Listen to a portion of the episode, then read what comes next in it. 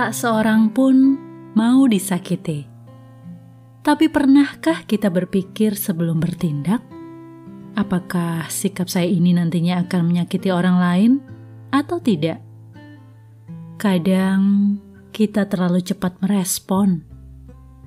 Mungkin juga pernah spontan berkata dan berperilaku karena terpancing emosi di hati yang kemudian disesali.